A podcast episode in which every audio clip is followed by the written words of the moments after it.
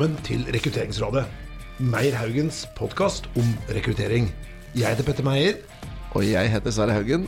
Dette er podkasten hvor vi samler smarte folk for å drøfte hvordan vi kan gjøre rekruttering bedre. Dagens episode av eh, rekrutteringspodkasten handler om de store linjene i arbeidsmarkedet og rekruttering. Altså makrorekruttering. Og um, vi er så heldige i dag å ha med en ordentlig interessant gjest. Anniken Hauglie. Arbeids- og sosialminister, tusen takk for at jeg fikk lov til å komme. Å, så hyggelig. Sverre, dette her er jo en ordentlig sånn storfisk vi har fått i studio. Dette har vi gleda oss til. Det, er, det blir veldig spennende, og vi gleder oss til å ta en prat og bli litt bedre kjent med deg. Takk det samme, jeg gledet meg veldig også. Bra. Og hvorfor prater vi om makro? Jo, eh, det er flere grunner. For det første så er jo det viktig for alle som jobber med rekruttering der ute. Det er Arbeidsmarkedspolitikken handler jo om tilgang på arbeidskraft, og hvordan det går i Norge. Så eh, det skal vi prate mer om i dag, men så har vi lyst til å bli litt bedre kjent med den gjesten vår, Sverre. Yes. Um, Anniken, mm -hmm. uh, vi har jo som var for vane da i disse innledningene her, så pleier vi å si liksom Hvem er du? Eh, for du er jo kjent som politiker mest, men hvem Ja. er du egentlig? Ja, jeg vet ikke hvor uh, grundig til verks jeg skal uh, gå. Uh, bakgrunnen min er jo født i 72, tobarnsmamma. mamma.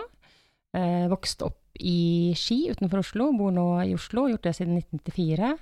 Jeg er utdannet sosiolog, har spesialisert meg på krigføringen på Balkan. Eh, og så eh, min yrkesbakgrunn før jeg ble statsråd, det var at jeg var eh, byråd i Oslo. Først så var jeg sosialbyråd, og deretter så var jeg skolebyråd. Ja, og hvis, hvis, jeg hadde, hvis jeg hadde møtt deg da på en fest, uh, og så hadde jeg begynt å snakke med deg om et eller annet gitt tema, hva slags tema skulle jeg begynt å snakke om da for at du virkelig fikk vann på mølla? Da tror jeg kanskje jeg ville begynt å snakke om eh, reising, tror jeg faktisk. Eh, jeg er veldig glad i å reise. Eh, vi reiste mye før vi fikk barn, og har reist mye etter at vi fikk eh, barn også. Og så har vi bygd oss hytte på fjellet, så vi er veldig glad i å være der og gå på ski. Så jeg tror kanskje jeg ville startet med å snakke noe rundt det. Kanskje litt krepsing også, så da har, vi noe, da har vi litt å gå på. Nå, Det, dette her kunne vært en veldig fin kveld. Eller rakfisklegging, det kan vi også snakke om. Oi. for nå kjenner jo jeg at jeg nå begynner Dette er litt sånn da runde rundt på tematikk som jeg begynner å snakke om. Da. Ja. Krepsing er gøy, da. Ja. Men hvis du skulle velge ett reisemål på bucketlist, hvor Utenom Notodden. Utenom eh, Notodden. Ja. Uh, ja, den var litt vanskelig. Uh, nei, vet du, da, det som er faktisk øverst på lista akkurat nå, er uh, Det er ser, Vi skal jo på ferie til sommeren, da. Hvis jeg ser bort fra den englandsturen vi skal på, så er det som står øverst nå, er egentlig Berlintur, faktisk. Oi. Uh, som vi har tenkt å ha med barna til Berlin uh, neste år, og ta runden om noen konsentrasjonsleirer annet også. Vi har en uh, sønn som er veldig interessert i, i andre verdenskrig, så Det er en by med eh, historie. Ja, Berlin er en fantastisk eh, by for både store og små. Det har jeg hørt. Jeg har ikke vært der ennå. Jeg har vært der 15-20 ganger, Ja. og det er en av mine absolutt favorittbyer. Mye kulere enn London, syns jeg, da. du vurderte vel å dra ned dit for å høre på Rammstein, gjorde du ikke? Jo, jo, absolutt. Rammstein er mitt favorittband, eh, så å høre Rammstein i Berlin, det hadde vært drømmen. Men vi kunne også prate om Rammstein en hel dag, det skal vi ikke gjøre. Tenkte vi skulle gå litt mer over til disse berømte dilemmaene våre, Sverre. Yes, for da er det altså sånn, Annike, at eh, vi, vi kommer til å stille deg noen dilemmas. eh, og nå i starten så presenterer jeg disse dilemmaene til deg, men du får ikke lov til å svare på dem helt ennå. Du skal få lov til å la dem marinere litt. Ja. Eh, og det første dilemmaet handler litt om hva, hva slags perspektiv man har på kvotering. Og litt av grunnen På kvotering. Ja, kjønnskvotering, Ok, for eksempel. Da, mhm, fordi problemstillingen Bakgrunnen for det kommer jo hvis du ser på Jeg kjørte et event en gang for unge kvinnelige ledere. Og da het det altså Fremtidens kvinnelige ledere. Mens tilbakemeldingene fra disse unge, utrolig flinke jentene som var med, var jo at vi vil ikke bli sett på som kvinnelige ledere, vi vil bli sett på som leder. Og så blir spørsmålet hvis du etter din politiske karriere skulle gått inn i en jobb, og så får du tilbud om en jobb, og så får du vite at det er fordi du er kvinne, så har du kommet foran en annen mann. Hvordan det ville føltes. Det er det Mhm. første dilemmaet. Det andre dilemmaet er mer enn når du sitter og skal ta en rekrutteringsavgjørelse selv. F.eks. hvis du skal eh, rekruttere en politisk eh, rådgiver til Mhm. ditt eget team for deg selv. Og så møter du en person som er superhyggelig, men som gjør noe litt rart i intervjuet. Og så skal vi forklare mer om hva det er etterpå. Og det tredje dilemmaet er et tilsvarende scenario. At du skal rekruttere noen. Og denne gangen så går det egentlig veldig fint på intervju. Ikke noen rare ting som skjer, men så dukker det opp noe ting som, som du skjønner at vedkommende tror på, som du ikke klarer helt å identifisere deg med. Det er hvis du f.eks. tar en sosiale mediesjekk da, av personen, og så er de da medlem i litt sånn spennende organisasjoner da, som du tenker jøss, dette kan jo være litt aparte. Så det kommer vi tilbake til. Så dere som lytter på, kan også tenke litt hva hadde dere gjort i disse situasjonene vi nå skal utsette statsråden eh, for. Ok, eh, vi tenkte vi skulle gå over til en spennende del her, og det er altså det er jo trangeste nåløy som er av temaene her, og det er på en måte hvordan har man fått jobber som er, henger veldig høyt, og som er vanskelig å få. Og du er jo da statsråd, Anniken. Hvordan blir man statsråd? Eh, ja, det er et veldig godt spørsmål. For så vidt. det, altså jeg vet ikke hvordan det har vært for andre, da, men for min egen del så det var litt sånn spesiell historie egentlig. Fordi det her var jo i eh, 2015. Um, eh, vi var jo ved inngangen til eh, lokalvalget 2015, i juli, hvor eh, vi skulle være på vei hjem fra ferie. Og så eh, ble vi utsatt for en ulykke som satte meg ut av spill. Oi. Så jeg tilbrakte de neste eh, fire ukene på, på si lukket avdeling, på, ikke lukket avdeling, men på, hva heter det, på isolat på Ullevål. eh, dramatisk, da? Så eh, min valgkamp, den eh, gikk Den tilbrakte jeg derfra. Og så var jeg sykemeldt gjennom hele høsten. Eh, og jeg hadde jo da ikke tatt gjenvalg til bystyret heller, så det jeg tenkte Og vi tapte valget. Eh, så jeg var da sykemeldt og arbeidsledig og tenkte at eh, ok, av alle ting jeg i hvert fall ikke skal gjøre nå, er jo åpenbart politikk, for jeg hadde jo trukket meg fra alle verv. Eh, hva skal jeg da eh, drive med? Jeg var ikke sikker på hva jeg egentlig da skulle drive med, i og med at jeg da også var sykemeldt og drev med opptrening og sånn. Og så var det da i midten av desember jeg fortsatt, hadde fortsatt noen dager igjen av sykemeldingen, så uh, fikk jeg en telefon fra statsministerens kontor med spørsmål om jeg kunne møte statsministeren. Det var da på en uh, fredag. Hadde du noen mistanke om hva dette dreide seg om du da? vet hva, nei, altså jeg da, da tenkte jeg hadde, egentlig, jeg hadde, da hadde en avtale med noen rekrutteringsbyråer, apropos, faktisk, eh, akkurat samme dagen. Så jeg tenkte, nei, det jeg tenkte var at kanskje de trenger en statssekretær, tenkte jeg faktisk. Eh, så det var da en fredag, og så kom jeg dit, og så spurte hun om jeg ville bli statsråd på onsdag. Altså da fra fredag til onsdag, det var litt, veldig kort Ja, wow. Men trengte Så- du tid til å tenke deg om, eller? Eh, nei, nei altså det, det jo, man vet jo at den, når du får den telefonen, så får du den den ene gangen. Det, Ja. Sannsynligheten for at du får den igjen er egentlig ikke så veldig stor, men eh, jeg sa jo at jeg måtte nesten snakke med mannen min først, da. Ja. Syns jeg ryddig. Så det, ja, så, så, men jeg visste jo på en måte der og da at dette, jeg kunne ikke, jeg kunne ikke si nei til det. Så um, jeg var jo også blitt innkalt på dialogmøte med Nav uken etter. Ja, og så ble du bare sjef for dem? Så ja, det var faktisk en som skrev på min Facebook-side at uh, meningen var vel at du skulle gå på Nav, ikke ta over Nav, eller sånn. Men det er jo, Så, det er jo en ja da. fantastisk inngang til det, da. Å ha sittet liksom, du- og ha vært der. Ja. Og ha lurt på hva jeg gjør med livet mitt nå. Ja, nei, altså det, var, det var egentlig veldig, det var veldig spesielt, det, altså, nettopp fordi jeg var i utgangspunktet arbeidsledig sykemeldt. Så det, veldig, det tok en veldig annen uh, vending, for å si det sånn. Men, uh, men jeg tror de fleste som er i den bransjen, de, de vet jo selv at uh, man kan ikke man kan jo ikke si nei når man får det Men du får jo du, selvfølgelig Man vil jo komme med alle motforestillingene selv om at ja, men kan jeg gjøre dette, vil jeg være kvalifisert? Er, er jeg Altså du Nei, nei, dette blir for vanskelig, eller dette blir for Men så tenkte jeg at eh, ok, hvis eh, statsministeren har troa på at jeg klarer det, så må jeg vel selv tro at jeg klarer det. Så mm. Men, men var dette og Nå er vi jo litt nysgjerrig fra sånn rekrutteringsfaglig perspektiv, for da ble du jo på en måte kalt inn på intervju, da. Eh, ja, altså Du kan si intervju, intervju. Altså Jeg ble jo kalt inn til eh, statsministeren. altså Jeg satt jo sammen med henne og stabssjefen, og så, og så gikk hun gjennom på en måte hva som skulle skje i, i regjeringen. At det skulle gjøres noen endringer, og at uh, hun lurte på om jeg ville komme inn. Uh, og det Så det var ikke, det, var ikke det klassiske jobbetur med sånn sterke og svake sider og Nei, nei, det, nei det, var, det, det var det ikke. Men da hadde jeg vært eh, byråd i Oslo i nesten seks år. Jeg vil, og jeg tror nok kanskje at Uh, det er vel kanskje det nærmeste man kommer en slags statsrådsskole uten å gå på en statsråd. Altså det er liksom det nærmeste du kommer kanskje en felles erfaring, da. Ja.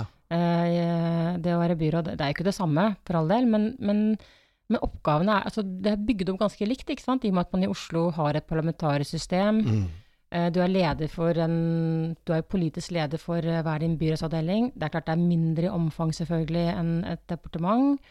Eh, og man møter ikke kongen hver fredag, selvfølgelig. Man møter ordføreren. og liksom, det er litt annerledes på det. Men, men, men sånn teknisk sett er det egentlig ganske likt. Da. Så jeg vil, vel håpe at hun kanskje tenkte at jeg hadde gjort en brukbar jobb som byråd, kanskje.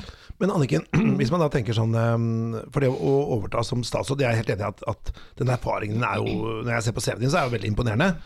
Eh, Men det er vel også noe med personlighetene, vil jeg tenke. For det er jo ikke alle som Selv om de har en veldig lang og fin erfaring, så er det ikke alle som er på en måte eslet for å være statsråd. For det er jo et helt annet trøkk i forhold til medier, i forhold til stort departement, stort område. Det er jo ganske sånn Hva slags personlige egenskaper tror du statsministeren tenkte at jo, Anniken, hun har det som trengs? For du har jo sittet ganske lenge nå, tre og et halvt år. Ja. Altså, du, det, det, er, jeg, det er jeg ikke helt sikker på hva, en, hva hvilken refleksjon hun gjorde rundt det. Men jeg tror vel kanskje at øhm, Altså, da var det jo bare Høyre og Frp som satt i regjering. Um, og jeg er vel en person som Jeg, er jo ikke kontroversiell. Det kan jo være på godt og vondt, det, da. ikke sant? Altså, når man ikke er kontroversiell, så skaper man ikke store overskrifter heller. Men i den posisjonen som jeg har, så tror jeg kanskje det er like greit å ikke være veldig kontroversiell. Um, det hadde vært en del konflikt på det området som jeg, hadde, som jeg nå leder. Var det en del konflikt på tidligere. Eh, Så tror jeg at jeg går for å være ganske god til å lytte og finne gode kompromisser. Um, og det var vel det det egentlig handlet om også, at vi skulle forsøke å hadde store, viktige prosesser foran oss med partene bl.a. Og, og min oppgave ble jo litt å prøve å få til gode prosesser med partene for å lande store, viktige saker, f.eks. pensjon og en del andre eh, spørsmål. Altså. Og så har jeg lært meg etter hvert eh, å puste med magen. Jeg mener at det er en undervurdert leder- lederegenskap. Ja. Å lære seg å puste med magen, og ikke på en måte ja, Ja. Uh, ha litt lave skuldre på en del ting. Mm. Det er kunst. ja.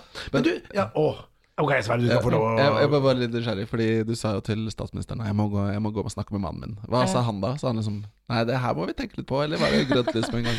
Nei, altså han, eh, nei, det hadde han full forståelse for. Så det var liksom, det var, men, det kan, men man har jo liksom, man har, man har noen sekunder hvor man tenker gjennom eh, hvordan skal den kabalen gå. Altså, vi Ja. har jo barn, og hvordan skal på en måte Men på den annen side, vi, kan, vi bor jo veldig Jeg har jo familien min i Oslo, vi bor eh, praktisk til, barna har jo blitt litt større.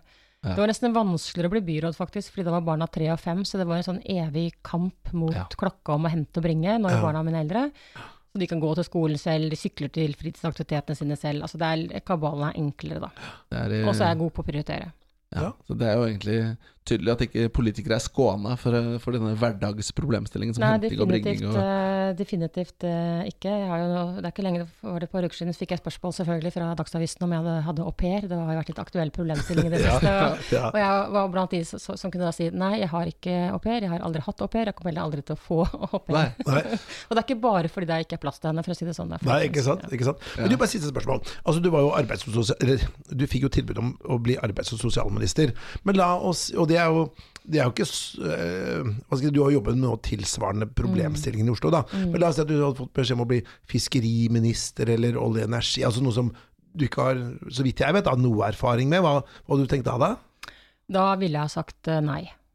Ja, det, det, det tror jeg er ganske sikkert at jeg vil jeg, jeg, jeg, må ha noe, jeg må kunne bidra med noe, både for egen del og for regjeringens del og for Ja. landets del, så, så tror jeg Nei, jeg tror ikke jeg kunne gjort noen god jobb hvis jeg skulle hatt et felt som jeg overhodet ikke kunne noe som helst om, eller ikke hadde noe å Ja, men det, er, men det er ikke alle statsråder som har tatt den uh, innstillingen. For jeg, hvert fall, jeg er ganske politisk interessert. Da, jeg ser de som blir statsråder. Og det er jo, det er jo i hvert fall noen uh, statsråder som jeg tenker jøss, hvor har de fått den erfaringen fra? Eller den selvtilliten, det ser jeg ikke hvor det kommer fra. Ja. Men du kan si, altså uh, Altså når du er statsråd, så du kan, Og det, det er det mange det er, Jeg tror så mange misforstår litt også at, eh, at liksom, Jøss, hvordan kan den få den jobben? Man er jo ikke ekspert på dette. Men, men politikere skal i utgangspunktet være lekfolk. Mm. Man skal det være hver, altså, hvermannsens stemme inn i et Ja, men, men skal de det? Altså, er det? For jeg tenker sånn, jeg hørte i hvert fall at Norge har blant de minst eller lavest utdanna uh, parlamentet i verden, altså Stortinget, da. Eh, så vi bare sitter et steinkast unna. Mens f.eks. i Frankrike, da, der kan du nesten ikke få noen av disse toppjobbene hvis du ikke har doktorgrad, f.eks. Altså de et av de liksom, høyeste utdanna parlamentene i, i verden. Altså, skal bli eh, minister, så må du nesten ha doktorgrad i noe, da. Altså, de er veldig eli mer elitistiske i Norge, da. Men hva, hva tenker du rundt det? Er det viktig at man da vet hva en liter melk koster, og at man da Ja. skal være en del av folket, eller er det, skal man være flinkere enn folk, eller? Nei, da, jeg eh, jeg synes det, er- det er viktig at de folkevalgte organene, enten om det er si, bystyre, kommunestyre eller om det er Stortinget, at de er, altså at de er representative og fanger opp i seg si, hvordan folk eh, tenker og mener og syns. Og, eh, men, men det er klart at dilemmaet når du sitter selvfølgelig er stortingsrepresentant eller kommunestyrerepresentant, eh, det er jo at du skal ivareta en helhet. Så du, kan, du skal jo ikke bare på en måte lytte til pressgruppene, du skal faktisk, du skal, det er mange hensyn du skal ta. øh, og jeg mener at det er viktig at du har representative organer. Eh, nå skal jeg ikke si at det er fordi det bare er professorer i det franske parlamentet at du har gule vester, men det er klart at det at du, har et, at du har folkevalgte som er nær de de representerer, mener jeg er viktig. Mm. Eh, men, eh, men det betyr ikke at man ikke har kompetanse, selv om man ikke nødvendigvis har, eh, er professorer heller. Du kan, ja. du kan ha mye kompetanse på det. Men det som er viktig i Norge, syns jeg, er at man også passer på at det er representativt. Eh, Det har jo kommet tidligere kommet innvendinger på at det er eh, i stor, for stor grad eh, offentlig ansatte som kanskje er representert eh, i, de, i folkevalgte organer. Og det er jo viktig at du faktisk har hele bredden av samfunnslivet representert. Mm. For i hvert fall, Hvis man hadde da gått og gjort en analyse, da, og det er sikkert noen som har gjort også, men å sett på de som da i hvert fall er på Stortinget, så er det jo ikke veldig mange gründere, eller altså personer fra privat næringsliv. Det tror jeg er, de er ganske underrepresentert. Mm, og i- det er en utfordring, mener jeg. For det betyr Ja. at du får en, du får, det, blir, det blir en ubalanse. Og, og, og, for det er viktig at også eh, altså hele samfunnslivet er representert. Men klart for folk i privat sektor så er det jo vanskelig å på si, stenge sjappa i fire år Ja, ja. og tro at kunden er der når du kommer tilbake igjen. Ikke sant? ikke sant? Eh, At det er mange som da syns det er vanskelig å, å skulle ja, Si hvis du er en gründer da, med to, tre, fire ansatte, og du tenker at nei, nå skal jeg gjøre et, slå et slag for demokrati og melde meg til tjeneste i fire år, Ja. så er det kanskje ikke så mange opplever det kanskje ikke sånn spesielt attraktivt, eller at det er vanskelig. Dette er jo et interessant perspektiv egentlig på mange måter. For det første så er det jo sånn at innenfor arbeidsmarkedet så blir jo Mm. startups og flinke folk da, går jo mye mer til startups enn før. Det er det Mm. ene. Og det andre er jo dette med Hvis, hvis uh, politikken ikke får med seg disse flinke folka, så er det jo et, en, en klassisk employer branding-problemstilling. ja, absolutt. Ja, og så er det noe med at du, det, er viktig at eh, altså Stortinget, Stortinget og regjering legger rammebetingelser. ikke sant? Man fatter eh, lover og regler eh, og, og lager på, ja, rammebetingelsene for eh, det å skulle starte virksomhet. ikke sant? Det kan gå på, på, eh, på skjemavelde eller på altså, ja, kan, man, man legger veldig eh, viktige føringer for hvordan det er å starte opp og hvordan det er å drive virksomhet.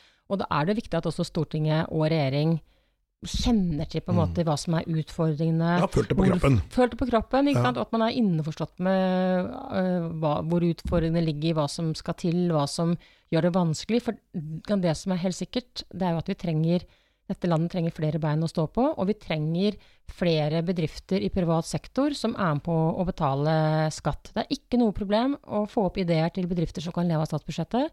Utfordringen vår nå er å få flere bedrifter til å bidra inn til statsbudsjettet. Og det er jo en utfordring som jeg mener man ikke har tatt på alvor tidlig nok. Man har alltid visst for så vidt at man, eh, at man er for oljeavhengig.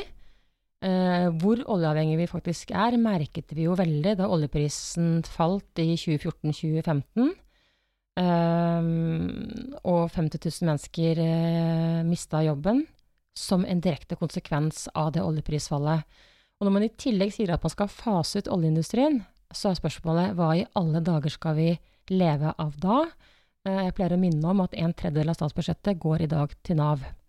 Eh, og det er ingen næring i dette landet som rekker oljearbeideren til leggen engang når det gjelder å bidra med skatteinntekter. For Man har jo hørt om dette med at kultur er den nye oljen, eller mikrobrygga øl er den nye oljen, eller Ja. bærplukking er den nye oljen. Men Ja. det er egentlig ingenting som er den nye oljen, for det er ingen bransje, i hvert fall som vi ser i dag, som du sier, som er i nærheten.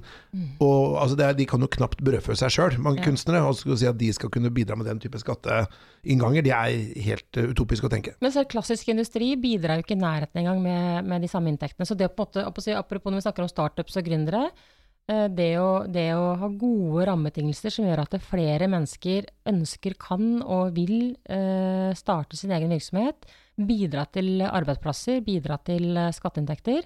Klarer vi ikke det, så går ikke regnestykket i hop. For det er klart at når en tredjedel av statsbudsjettet går til Nav, Eh, og så har vi litt eh, helse og litt skole og litt kommune og litt forsvar, og litt, ikke sant? Ikke sant? Så sier det seg selv at det regnestykket er eh, Og da er spørsmålet ok, hva, skal vi kutte? Og min erfaring er at kutteviljen er ikke spesielt stor.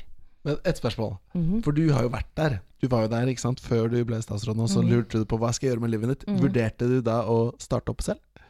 Nei, det vurderte, det, var, det vurderte jeg ikke i det hele tatt. Hvorfor ikke det? Nei, det, nei for det hørtes Nei, hvorfor Nei, det, det har liksom ikke Det var ikke, det var ikke aktuelt. Men uansett, du skal jo ha også Du skal jo Punkt én, du må ha en idé. Ja, ikke sant? Du må ha noen Du må ha finans Du må ha, du må ha, du må ha et finansielt grunnlag for det. Så akkurat da var nok jeg mer interessert i å bli friskmeldt og finne meg en eller annen jobb som Ja, gi meg en inntekt. Ja, men, men Ja, nei, ja. Men det var ikke rammebetingelsene som stoppa det, i hvert fall. Nei, men vi, vi har jo starta en egen bedrift, dessverre. Vi har startet, og jeg, Ja. har gått, jeg, har gått, jeg kjenner meg veldig godt igjen i det du sier, Anniken. For jeg har gått i mange år Jeg har venta på den store ideen, egentlig. Uten å finne den. Mm. Uh, Nå, nå tenker jeg at den med en idé den skal ikke bli en gründerpodkast, men jeg mener at den store ideen, da, den er overvurdert. Det det handler om, er gjennomføringsevnen. Mm. Så hvis man sitter og venter på den store ideen og først skal starte selv da, så tror jeg den ideen ja, det Gode ideer da kommer jo veldig sjelden, eller selv om du har en god idé, så tror jeg det er, ikke- det er ikke mangel på gode ideer, det er bare at du, det er så mange som aldri får gjennomført den gode ideen. Mm. Alle skal bli jo slankere og penere og flinkere og skal trene mer og sånt, og det er ikke mangel på ideer, men det er jo gjennomføringen. Ok, men nå har jeg lyst til å begynne å prate litt om makro, jeg, Sverre. yes. Ok. Du, eh, makro, og igjen, det var hovedgrunnen til at vi hadde lyst til å ha deg med her, eh, Anniken. Du sitter jo da med ansvaret, da. Eller kan man, nei, du har kanskje ikke ansvar for arbeidsmarkedet, eh, arbeidsmarked, men du har delansvar for arbeidsmarkedspolitikken. Mm. Det kan man si. Men kan ikke du fortelle litt om hvilke felter er det som er som under din statsrådspost? Eh, sånn to, som hele min portefølje? Ja. Eh, ja, altså det er eh, Jeg har jo Nav, da. Eh, så jeg har jo hele pensjonssystemet, trygdesystemet, eh, sosialtjenesteloven, arbeidsmarkedspolitikken i form av arbeidsmarkedstiltak. Jeg har jo arbeidslivsområdet, dvs. Si arbeidsmiljøloven. Jeg har eh, Arbeidstilsynet, eh, helse, miljø og sikkerhet på norsk sokkel. Så det er jo et ganske Det er en eh, ganske så s- b- bred portefølje. portefølje. Det er ikke bare bare. Nei, arbeidskriminalitet. eh, ja. Så, Ja. mhm. Og så har du en tredjedel av statsbudsjettet. Ja. Og da, da er det jo veldig interessant da, å spørre deg, hvis vi spør litt sånn åpent nå, med, med denne store paletten Mhm. av ting du har ansvar for, hva er det som holder deg våken om kvelden? Hva er det som. Hva, hva tenker du mest på for tiden? Uh, for tiden Altså akkurat uh, jeg var uh, Ja, det, kan, det er litt sånn avhengig av liksom, altså, I fjor så var det litt Da satt vi med forhandlingene, reforhandle ny offentlig tjenestepensjon. Da var jeg ikke akkurat våken om natten, men det var litt sånn jeg tenkte at altså, hvis dette her krasjlander nå, liksom, så hva gjør jeg da? Uh, men det gikk jo fint, da, for så vidt. Men jeg, jeg, altså, egentlig så Det er ikke så mye som holder meg våken om Nei, det var natten, mer sånn billedlig Ja. Du snakket jo litt om det med å puste på magen med Ja. magen, men, men det vi er ute etter, er jo liksom hva er de Mm. store tingene da, som uh, har fokus? Ja, altså øh, Det som er stort altså Det som vi jobber mye med nå, altså jeg har jobbet mye med nå da, de siste månedene, har vært øh, varsling. Eh, lagt fram en varslingssak for øh, Stortinget. Vi la jo fram en øh, lovproposisjon på offentlig tjenestepensjon. Vi er nå i startgropa på å reforhandle særaldersgrenser. Det er nok kanskje det nærmeste jeg kommer litt sånn søvnløs følelse, rett og slett fordi det angår utrolig mange mennesker. Mange sektorer. Det er kontroversielt. Eh, Skal vi fortsatt ha særaldersgrenser i dette landet? Skal man kunne gå av når du er 57, når du er jeg å si, politimann eller jobber i Forsvaret? Eller ja, hvordan skal man gjøre dette? Så, og der er det mange ulike interesser. Så særad- og den, der er det en avtale med partene om at det skal være ferdig i, eh, i november. Uh, og det er veldig kort tid til, så, eh, ja, så det, det blir ganske sånn tøff runde, tror jeg. Så det blir mye på pensjon uh, framover. Det, det er veldig mye. Man tenker liksom at åh, nå er landet store saker, men så er det hele tiden en ny sak som, uh, som kommer. Budsjettarbeidet holder vi på med. Ja. Det blir jo krevende. Ja. Kjeder deg ikke, med andre ord? Nei da, kjeder meg, kjeder meg ikke. Men det er ikke anlegg for å kjede meg heller. Jeg trives. eh, Men, men når du har en sånn jobb som dette, da, Mhm. så øh, hva, hvor mange timer i uken jobber du cirka? Uh, ja, det er litt vanskelig å si, altså. For når det har vært mye reising òg, da telles det? Telles det når man er borte? Ja, ja, eller la oss si sånn, hvor mye, hvor, hvor mange timer i uka er knyttet opp til reising, eller til, til arbeidslivet ditt da? Altså hvor mye fritid har du liksom? Nei, altså det blir jo for så vidt eh, Det blir jo eh, mange lange dager. Men jeg er ganske flink til å ikke ha lange dager når ikke jeg behøver å ha lange dager, kan du si. Altså at jeg setter strek og drar hjem.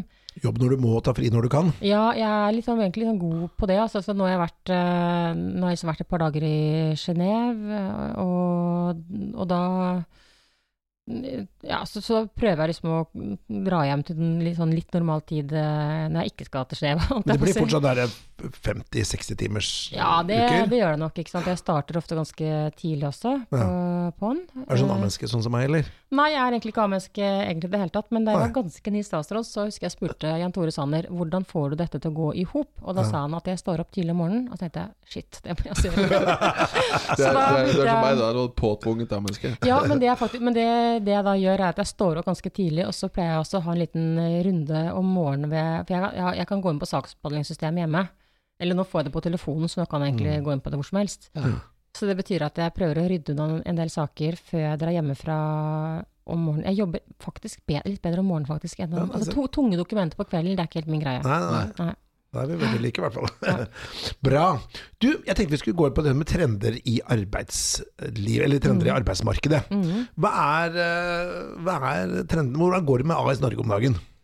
Vet du, det går faktisk ganske bra med AS Norge om dagen. Og det, eh, jeg tror egentlig det overrasker ganske mange hvor raskt vi skulle komme over denne oljepriskneika, faktisk. Eh, vi satte jo inn tiltakspakke på tiltakspakke for å holde disse hjula i gang. Eh, og nå er det jo etterspørsel etter arbeidskraft i nær sagt alle bransjer over hele landet, også i olje og gass. Eh, faktisk så er det nå stor etterspørsel etter eh, arbeidskraft. Etterspørsel etter særlig faglært arbeidskraft. Eh, vi trenger rett og slett folk med fagbrev. Eh, og det som er bra, er at det er nå, nå man snakket så mye om det de siste årene, at nå også ungdom begynte å søke yrkesutdanning, faktisk. Og det er jo bra. Og flere bedrifter tar inn lærlinger, så det er altså lettere å få lærlingplass enn det det har vært eh, tidligere. For det er, jo, det er jo sånn I noen deler av arbeidsmarkedet så er jo det litt sånn ikke så attraktivt. Eller det har vært litt sånn lavstatus på en måte. Da, dette fagbrev versus mastersyken, da. I Ja. Jeg vet ikke om vi egentlig har mastersyke, eller jeg syns kanskje det er litt overdrevet òg. Vi, kan- vi trenger jo faktisk Man trenger jo utdannelse i dette landet, og vi trenger kompetansen. Eh, og Norge har jo tradisjonelt også eh, hatt å si, ganske billige akademikere til sammenlignet med en del eh, andre land. Men vi har for få fagbrev, eh, og det eh, vi kanskje har sett det veldig tydelig på, er jo arbeidsinnvandring. Under den forrige oppgangskonjunkturen, da det ble skapt noe sånn som jeg tror Stoltenberg sa det sånn som 350 000 jobber, skrøt han vilt hemningsløst av. Kjempebra, for så vidt. Eh, to av tre av de jobbene gikk ut til arbeidsinnvandrere. Ja. Eh, og jeg er veldig for arbeidsinnvandring. Jeg syns jo det er helt strålende. Jeg mener jo at vi burde vært medlem av EU også. Um, på arbeidsmarkedet så er vi strengt tatt det gjennom EØS-avtalen. Men det er klart at det, når to av tre nye jobber går til eh, eh, arbeidsinnvandrere, så betyr det at man ikke Vi klarte ikke da å gjøre noe som er en stor utfordring i Norge, nemlig at én av fem i yrkesakt yrkesaktiv alder står utenfor arbeidsmarkedet. Det tallet har vært ganske konstant ganske lenge. Det har gått litt ned nå. Eh, og det som vi har sagt nå har vært veldig tydelige på fra, fra regjeringens side, at når vi nå opp, kommer inn i oppgangskonjunkturen, så kan vi ikke dekke hele det arbeidskraftbehovet ved å dra til utlandet. Fordi det betyr at vi fortsatt vil ha en stor gruppe nordmenn, én av fem i arbeidsfør alder, som står utenfor arbeidsmarkedet og lever av trygd. Og så er det en del av de innenfor den gruppa som for så vidt altså de er sykmeldt og, altså, og ja, er arbeidsledige. Men det er faktisk ganske mange som eh, burde ha blitt mobilisert innen arbeidsmarkedet. Men, men jeg jobbet i Arbeidsdirektoratet i mange år. Altså, det er mange år siden, det var på begynnelsen av 2000-tallet.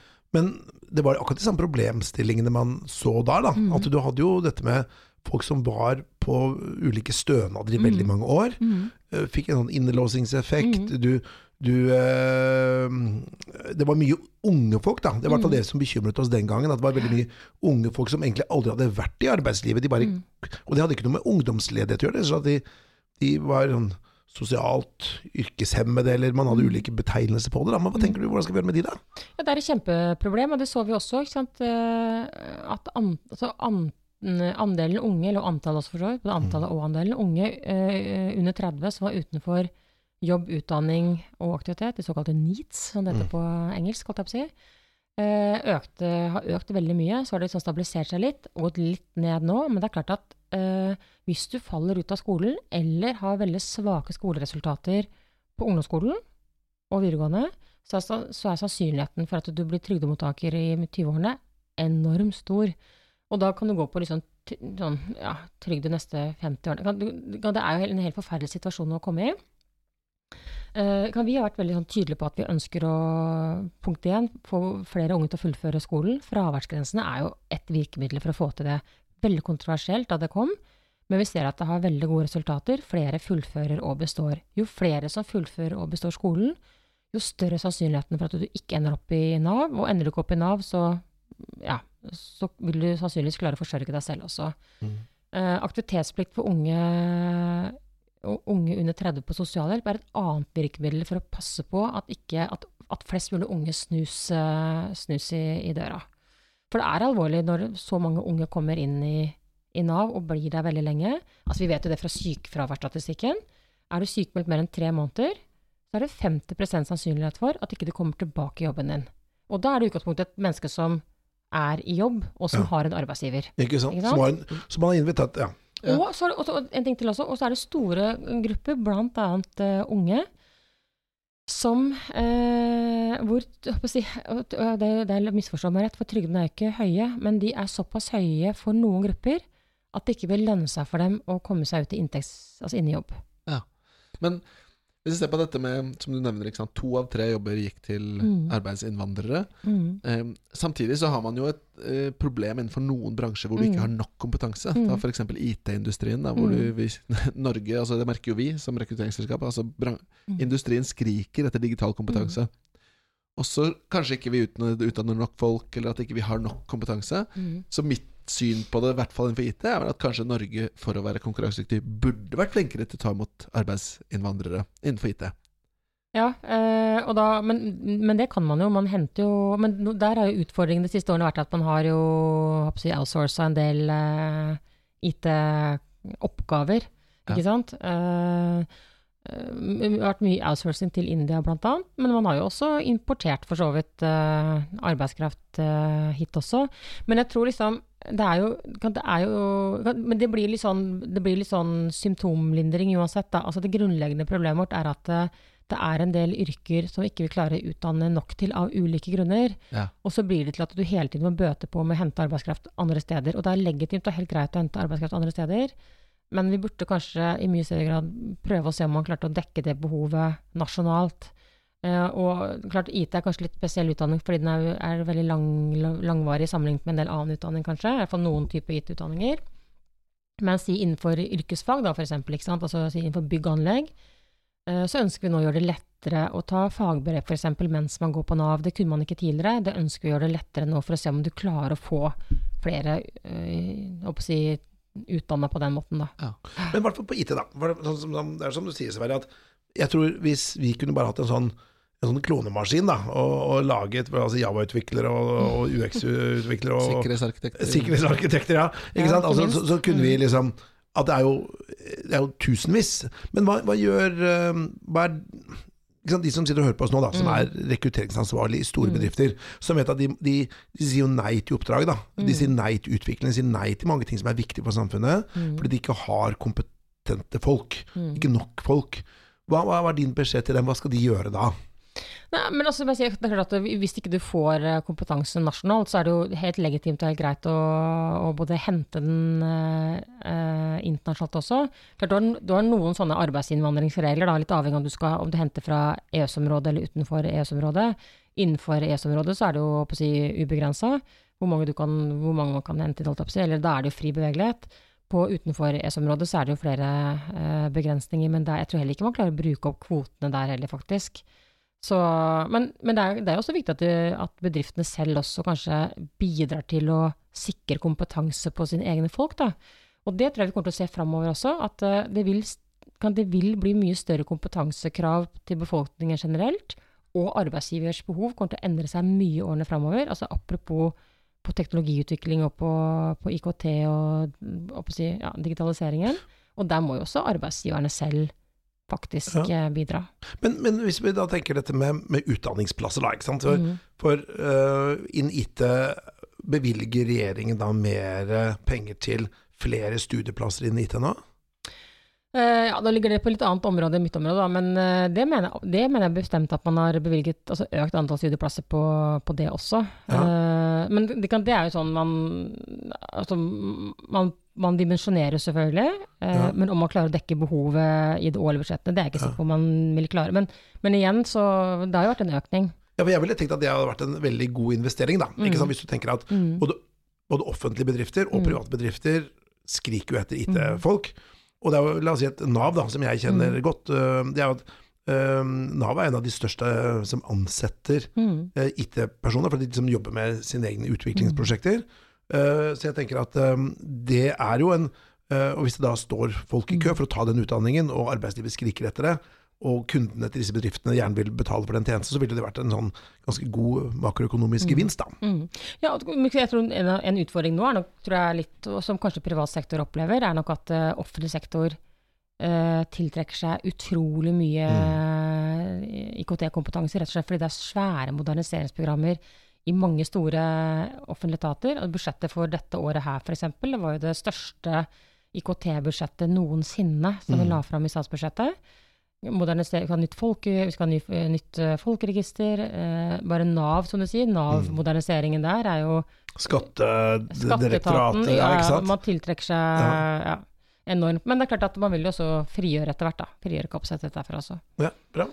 Jeg tror, jeg tror kanskje vi skal ta oss og løfte blikket litt, ja, nå. Fordi dette er jo ting som er veldig spennende å snakke om, og det er et privilegium å ha mulighet til å snakke, snakke med deg om dette. Eh, men vi vet at du skal videre. Du er travel, det har vi allerede sett. Eh, men hva hvis vi nå tenker at vi skal løfte blikket litt, da? Mm. Og se litt på rekrutteringsmarkedet. For du har jo sittet som arbeidsledig selv. Mm. Eh, og så sitter du nå med dette store ansvarsområdet her.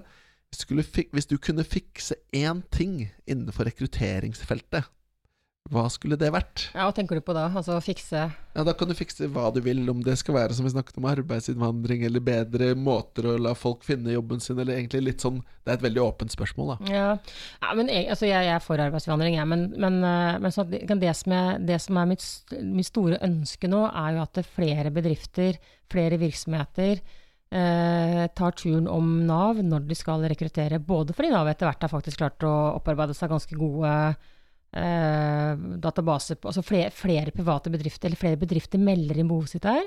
Eh, og fordi jeg er opptatt av å klare å rekruttere flere av de som faktisk går på Nav og inn i jobb. Så vi har jo invitert eh, privat og offentlig næringsliv til en inkluderingsdugnad som handler nettopp om å ta turen om Nav før man ringer særlig utlandet, for å se om man kanskje kan klare å rekruttere flere. Mobilisere flere av den nasjonale arbeidskraftreserven. Og det er et veldig godt tips. Ja. Fordi det er jo en måte man som arbeidsgiver både kan faktisk kanskje få noen quick wins og løse en utfordring knyttet til rekruttering, men også samtidig være med på, som du sier, en dugnad, da. Ja, og igjen som jeg sier, ikke sant, når en tredjedel av statsbudsjettet går til Nav, eh, så er spørsmålet hvordan Og det er jo arbeid som finansierer velferden vår.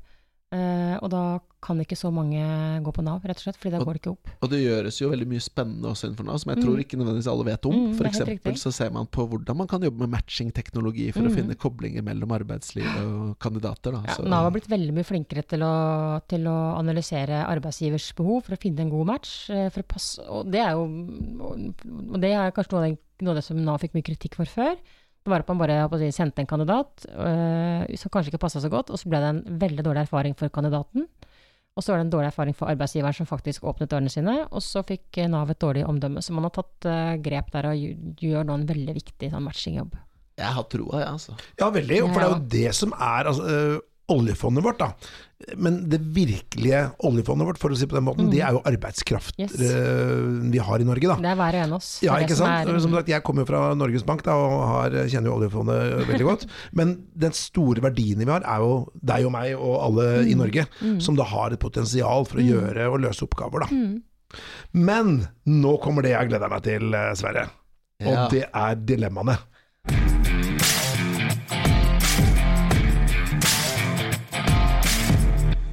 Da skal vi stille deg disse dilemmaene Ja. fullt ut, Anniken. Som jeg snakket om i stad. Eh, det vi ser, er at eh, kjønns... Eller mangfold, da. Mm. Mange steder forenkles ned til kun å handle om kjønn. Mm. Og så snakker man om kvotering, man vil ha flere kvinner inn i teknologi, flere kvinner inn i ledelse Mm. eh, og en rekke andre ting. Mm. Men samtidig så er det jo ingen kvinner, eller veldig få kvinner, som har lyst til å bli valgt bare fordi de er kvinne. Mm. Eh, hvis vi nå ser for oss, da Hvis vi kan ta dette scenarioet at du satt der du var eh, Mm. og skulle ut i jobb, og så får du muligheten til å få en jobb. Mm. Eh, og så finner du ut, når du er i dialog og er liksom i sluttspurten her og skal velge Mm. om du vil ta den jobben eller ikke, så finner du ut at du har blitt satt foran en annen mann som Mm. kanskje ble vurdert som hakket sterkere kvalifisert, Mm. men siden du var kvinne, så får du muligheten. Mm. Hadde du da tatt jobben? Det er drømmejobb, altså. Uh, ja, det ville jeg gjort. Også, du men du har litt sånn ulike typer kvoteringer. da. Du har radikal kvotering, og du har moderat kvotering, og du har jo, ikke sant. Og, og veldig ofte så er det sånn at uh, man sier at eh, i arbeidslivet så sier man kanskje at der kandidatene står likt, så vil man velge da enten da en kvinne eller en mann, eller en som er funksjonshemmet, eller en som er innvandrer, eller en som er Men da står man i utgangspunktet likt på det faglige. Det er jo ikke Og så er det en eh, Jo, det er kvotering også. At Ja. du sier at du velger da Jeg tror det er veldig få steder hvor man ville valgt en som var diskvalifisert fordi man var det ene eller det andre. Så hvis på en måte det er vært, så hvis kjønn trumfer når, når alt annet er ca. likt, så ville jeg tenkt at det er helt uproblematisk. Ja, og det, Ja. det er jeg enig i. Og så er jo erfaringsmessig Utfordringen ligger jo Jeg, jeg har jobbet som rekrutteringsansvarlig i Accenture, stor teknologibedrift. Vi hadde et Mm. mål om 34 kvinner, Mm. eh, som er jo ikke høyt i det hele tatt, Ja, og der er man ikke nå. umulig Ja. innenfor teknologi. ikke sant? Ja. Og, men fremdeles så var det sånn man ville jo ikke ta disse valgene. Det var først når du hadde to helt like, Ja. så kunne du Ja. men liksom, det må jo være sånn, det må jo stå sånn noenlunde likt, da. Men noen ganger tenker du kan hva er likt? Altså, altså, det, det er ikke sånn, det er ikke alltid sånn Det er ikke noe, det er ikke matematikk heller, dette Nei, det er nettopp det. Fordi Ja. jeg, jeg ser jo på det som en av de store problemene. At Ja. man i næringslivet tenker at disse vurderingene våre er så eksakte. Mm. At da kan du si at den ene er 1 bedre, derfor er det bedre kvalifisert. Og så Ja. rangerer man listene. Ja. Men deri ligger litt av problemet, da. Tror Og jeg. så er det, og det som driver med rekruttering, det handler jo litt det handler selvfølgelig om, eh, om kvalifikasjoner, men det handler jo litt om kjemi, og så handler det litt om tilfeldigheter. og så- Det, det er jo ikke, det er jo ikke eh, ja, nei, det er ikke et komplekst bilde. Ja, det er jo det. Men, men jeg tror jo kvotering faktisk eh, er bra, ja da. Eh, nettopp fordi det tvinger oss til å tenke litt alternativt. Kan vi sier at, kan, det er lett å si at jo, vi er veldig for mangfold, men det passer ikke akkurat nå, eller det passer ikke akkurat her hos oss, eller Ja. eh, Når vi nå sier f.eks. i forbindelse med inkluderingsdugnaden som vi har lansert, så sier vi jo at offentlig sektor skal gå foran, eller staten skal gå foran. 5% av nyansettelsene skal være personer med hull i CV-en. Det er ikke noe vanskelig å få på argumentene hvorfor det ikke passer hos akkurat oss. Eh, men hvis alle sier at ikke det passer oss, akkurat oss, så blir det ikke noe av. Og, og klart det, det uh, Nå ser vi at Nav f.eks. selv har klart å oppfylle 4,5 så da er vi nesten 5% på Nav på å rekruttere folk med hull i CV-en. Og det er kjempebra. Veldig bra. Det tvinger oss å tenke litt alternativt, og det er bra. Så bra. Ja, neste dilemma. Uh, nå skrur vi opp eh, eh, volumet litt. Rann. Og da må du se for deg at du nå skal ansette en ny politisk rådgiver. Mm. Eh, og så har du da flere kandidater inne på, inn på prosess, og så Mm. kommer det inn en kandidat som er eh, kvalifisert på papiret, fint, men han er tydeligvis veldig opptatt av å bli husket i intervjuet, Ja. så han har med seg, og dette er basert på en sann historie, eh, han har med seg inn vaffeljern og vaffelrøre, og så begynner han å steke vafler i intervjuet. Er det et pluss eller et minus? Eh, ja, altså du kan si Når man rekrutterer politisk rådgiver, så er det gjerne en person som man har fått anbefalt, man kjenner selv eller vet litt hvem er. da, ikke sant? Så, så vedkommende er jo ikke helt ukjent når man kommer inn. Men hvis jeg hadde kom, ja, du vet da, der må jeg si, det, hadde jeg tenkt at å nei, hva slags issues er denne personen? Hvis man er så vågal, altså, hvis han er så vågal på et intervju, hvordan vil vedkommende være liksom i, i For normalt vil man kanskje tenke at man vil være, du vil gjøre minst mulig som kan skape noe Oppstyr. oppstyr. Eh, ja, nei, da må jeg det, Den tror jeg ville vært litt krevende, altså. Ja, det. De vaflene skulle vært gode. Det skulle vært veldig Hvis ikke kompensert. Klart en veldig bra CV, og kanskje vist seg vært Da måtte vedkommende være veldig sosialt intelligent. tror- Eller jeg vet ikke, ja, jeg tror jeg synes det vært nettopp det han beviser at han ikke er, da. jeg husker jeg hadde et intervju en gang, og da sa han Ja, spiller er det noe du vil avslutte med, da? jeg. Jeg vil bare si, i hvert fall på tampen, at jeg er ekstremt sosialt intelligent. og da tenkte jeg ok. Og da tenkte man kanskje at Eller kanskje ikke. Eller kanskje ikke. Men, men da, da, da ser vi det at det var litt, det var litt problematisk. Ja. Men la oss ta det tredje dilemmaet. Ja. Eh, og det er da litt, litt annerledes, men litt det samme. Du skal ansette en politisk rådgiver. Mm. Denne gangen er det ikke noen vafler i intervjuet, heldigvis. Mm. Men Når du gjør denne sosiale mediesjekken, Mm. så finner du ut Hva finner du ut da, Petter? Jo, og dette er basert på en sann historie Mm. som jeg har vært borti. Det var riktignok ikke en politisk rådgiver, men det var en person som jeg fant ut mellom første og andregangsintervju at uh, personen da var medlem i UFO Norge, da. Ja. Og uh, tror på ufoer. Ja. Uh, men tipp topp kandidat på alle vis. Men du finner ut at personen tror på ufoer. Ja. Er det ok? Åh, ja, Yay or nei? Jeg må bare innrømme at det, jeg hadde slitt litt med det også. Det, Ja. jeg, jeg, jeg hadde slitt litt eh, med det. Jeg er egentlig ikke noe spesielt eh, Jeg er jo Jeg betrakter meg selv som en liberal, åpen eh, person, men men sånne alternative ting syns jeg blir litt for sært. Ja. Det må jeg bare innrømme. Men eh, jeg, jeg har jo liksom på homopati òg, beklager om jeg fornærmer noen lyttere nå, men uh, ting som er litt alternativ, jeg er ikke noe særlig Jeg jeg er veldig glad i vitenskap. Ja, ja. Og, ja. og så skjønner jeg at det, det er mye mellom himmel og jord du ikke kan forklare, og det kan være Og jeg også kan tro på en større kraft og sånn, men, men ehm, ja, nei, ufo, flat earth, det syns jeg er litt problematisk. Det, Det var litt morsomt, for det var, det var neste Det var, eh, det var liksom neste problemstilling vår, da. Nettopp det at hvis det er noen som er, har nettopp eh, tro på flat earth, da, Ja. for eksempel. eh, og da, men da har du allerede gitt uh, svaret hvis du At du da UFO er ikke ok, men uh, flat earth er heller ikke ok, da, åpenbart. Altså, eh, jeg har inntrykk av at de som tror på flat earth, de er litt sånn eh, litt dogmatiske. Eh, Ja. Jeg har vært borti noen sånne tilfeller, og nei, jeg må innrømme at jeg syns det er litt Jeg syns det er litt uh, slitsomt. Ja, ja. Men klart, nå er jo politisk rådgiver, da, det er på en måte en person du jobber veldig veldig tett med. Og din politiske rådgiver er Fredrik eh, Mm. Tronhus. Tronhus. Mhm. Ja. Han, Eh, er ikke med i Flat Earth? Nei, det, i så fall så har han ikke fortalt det. Men hvis han oppdaget at han var som han er en av uh, sjefen for Flat Earth i Vestfold, da, hva hadde du, hva hadde du sett da? Hadde det blitt en liten prat på kammerset der? ja, eller? det tror jeg faktisk. Ja, det, det tror jeg, jo, men jeg tror, for å si det sånn, jeg tror det ville blitt oppdaget ganske fort i dagens eh, sånn, Ja, ja, eh, medieverden. Så ble man veldig fort konfrontert med det. Men det er faktisk en ting som man er litt opptatt av når man blir rekruttert inn til disse stillingene fra statsministerens kontor. Det Har du gjort noe eh, galt, liksom? Ja, rett og slett. Har du gjort noe galt, eller er det noe med deg og ditt liv som jeg burde vite om? Ja, så, Ja. mm. Og da sjekker de Jeg tror hadde, jeg vært med, hadde, jeg, hadde jeg hatt en rådgiver, medlem av Flat Earth-bevegelsen, så tror jeg ja, Det ville ikke. fort blitt en forsidesak. Det ville fort blitt en uh, Man stiller ofte spørsmålet består dette VG-testen. Ja, nettopp. Ja. Så hvis, du hadde, eller hvis den var sjaman, det hadde heller kanskje ikke vært helt eh, pluss. Uh, jeg tror i hvert fall det ville blitt veldig litt krevende, ja. Mm, Ja. det tror jeg.